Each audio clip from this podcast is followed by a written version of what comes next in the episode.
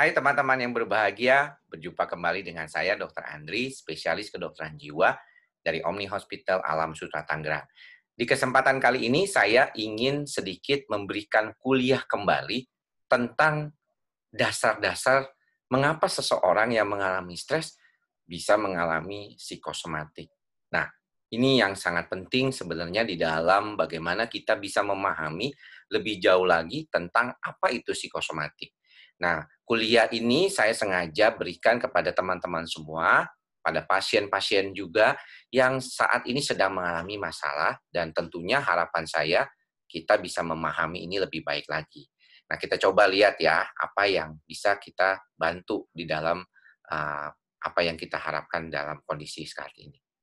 Oke, nah tadi saya sudah awali kata-kata saya dengan bagaimana stres itu bisa mempengaruhi kerja tubuh kita dan menyebabkan gangguan psikosomatik ya.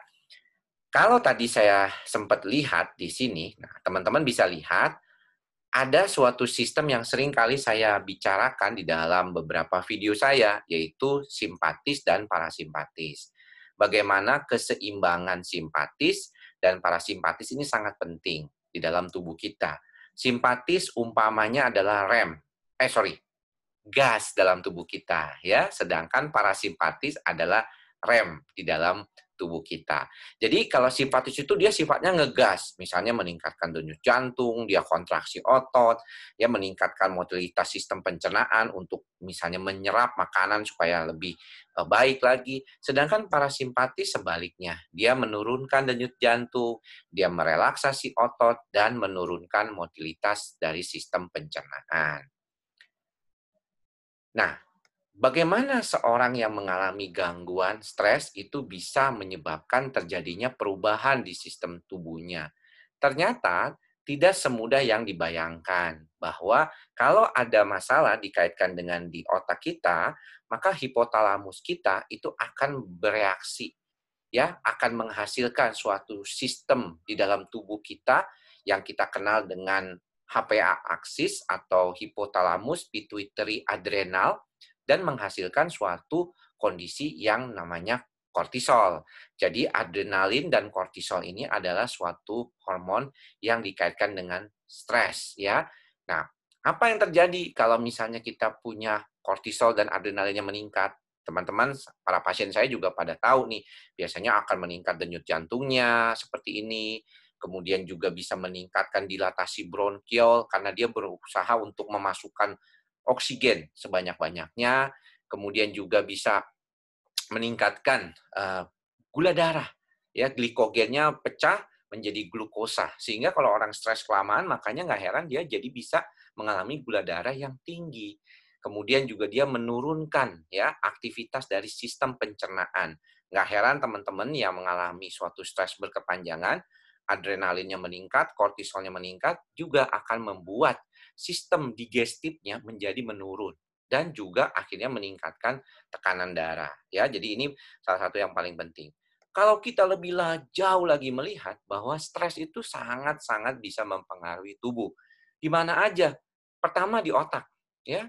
Dia bisa menurunkan konsentrasi, ya, bisa meningkatkan anxietas ataupun kecemasan, depresi, orang jadi irritable, moodnya jadi uh, turun, ya, kemudian dia jadi mind fog, jadi kayaknya tuh kacau mikirnya tuh bingung ya, seperti itu. Kemudian dia juga bisa mempengaruhi kardiovaskuler atau jantung dan pembuluh darah. Meningkatkan kolesterol, meningkatkan tekanan darah, bisa meningkatkan risiko jantung, ya dan stroke. Ini juga sering kali kalau stresnya berkepanjangan, orang itu makanya lebih sering meningkat risikonya. Bukan berarti stres itu langsung berefek ke jantung ataupun stroke, tetapi dengan adanya banyak resiko, kolesterolnya tinggi, nggak olahraga, merokok, makanannya jelek, ya gemuk, itu akan menyebabkan lebih gampang mengalami gangguan pada jantung dan stroke.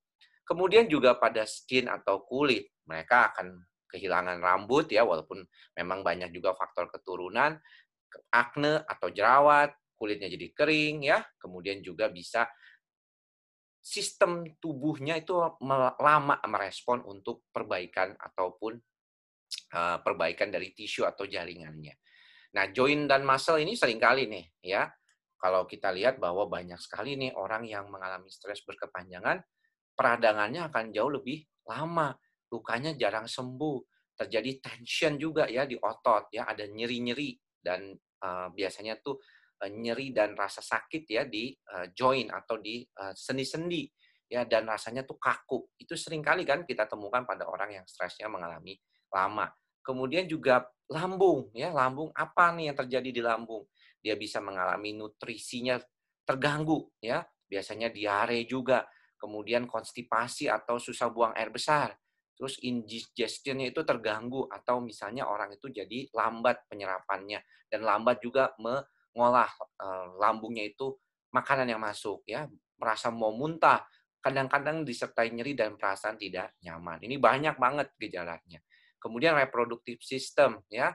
Ini biasanya terkait dengan kesuburan ya, bisa menurunkan hormon yang berkaitan dengan kesuburan ya, menurunkan libido dan juga meningkatkan uh, sensasi atau gejala-gejala premenstrual disorder atau pada kondisi uh, biasanya PMS ya pada perempuan ya pada saat mau menjelang menstruasi. Dan yang penting juga salah satunya adalah stres yang lama itu akan mempengaruhi imun sistem ataupun sistem imun kita. Dia akan menurunkan fungsinya, menurunkan sel-sel yang bisa melawan sistem di dalam tubuh kita terhadap kuman seperti T helpernya ya, juga meningkatkan risiko kita akhirnya menjadi sakit. Nah, ini juga sering kali meningkatkan risiko untuk sakit dan kalau sakit jadi lama sembuh. Ini yang terjadi memang. Nah, ini adalah keluhan-keluhan psikosomatik yang sering terjadi di dalam klinis. Ini adalah dua dari survei penelitian saya yang di tahun 2013 yang warnanya putih dan di 2019 di warna biru. Kalau kita lihat keluhan psikosomatik ya dari dua keluhan ini, dari dua gambar survei ini, ternyata dari sekitar enam tahun 2013 sampai 2019 tidak terlalu berbeda. Jumlah yang mengikutinya berbeda jauh ya. Yang satu 1.433 responden, yang satu lagi 19.300 responden. Keluhan psikosomatiknya tidak jauh berbeda. Pertama adalah yang paling sering jantung berdebar-debar, sesak napas ya, biasanya demikian, ada perasaan seperti kurang tenaga dan lambung. Ini paling sering. Dua keluhan tertinggi adalah berdebar-debar dan sakit atau tidak nyaman di perutnya. Ini saling kali uh, saling berkaitan. Dan hal-hal lain yang teman-teman bisa lihat di sini juga sepertinya kebanyakan pasien-pasien saya yang cemas itu mengalami gejala-gejala psikosomatik, itu gejala psikosomatiknya ini hampir 10-10-nya nih ada. Yang menarik kalau menurut saya adalah telinga berdenging ya. Tahun dulu tuh telinga berdenging tuh biasanya tidak sampai banyak nah, peringkat ke-10. Tapi tahun ini, tahun 2019 kemarin, uh, saya ambil datanya naik ke peringkat 8. Ya, jadi kalau kita lihat ternyata keluhan psikosomatik makin banyak terjadi kayak. Dan itulah apa yang bisa saya sharing pada kesempatan kali ini. Mudah-mudahan teman-teman yang mengalami kondisi seperti ini tidak terus-terusan ya mengalami kondisi seperti ini, tetapi bisa segera mencoba mencari pertolongan lebih lanjut. Ya, mudah-mudahan apa yang saya sampaikan ini bisa dipahami dan bisa membuat teman-teman menjadi lebih paham bahwa kondisi yang berkaitan dengan psikosomatik memang sering kali terjadi dan ini bisa membahayakan kalau tidak segera ditangani. Artinya membahayakan apa? Tentunya kualitas hidup kita akan lebih kurang baik lagi ke depannya. Mudah-mudahan apa yang saya sampaikan ini bermanfaat. Sampai bertemu lagi di lain kesempatan. Salam sehat jiwa. Bye-bye.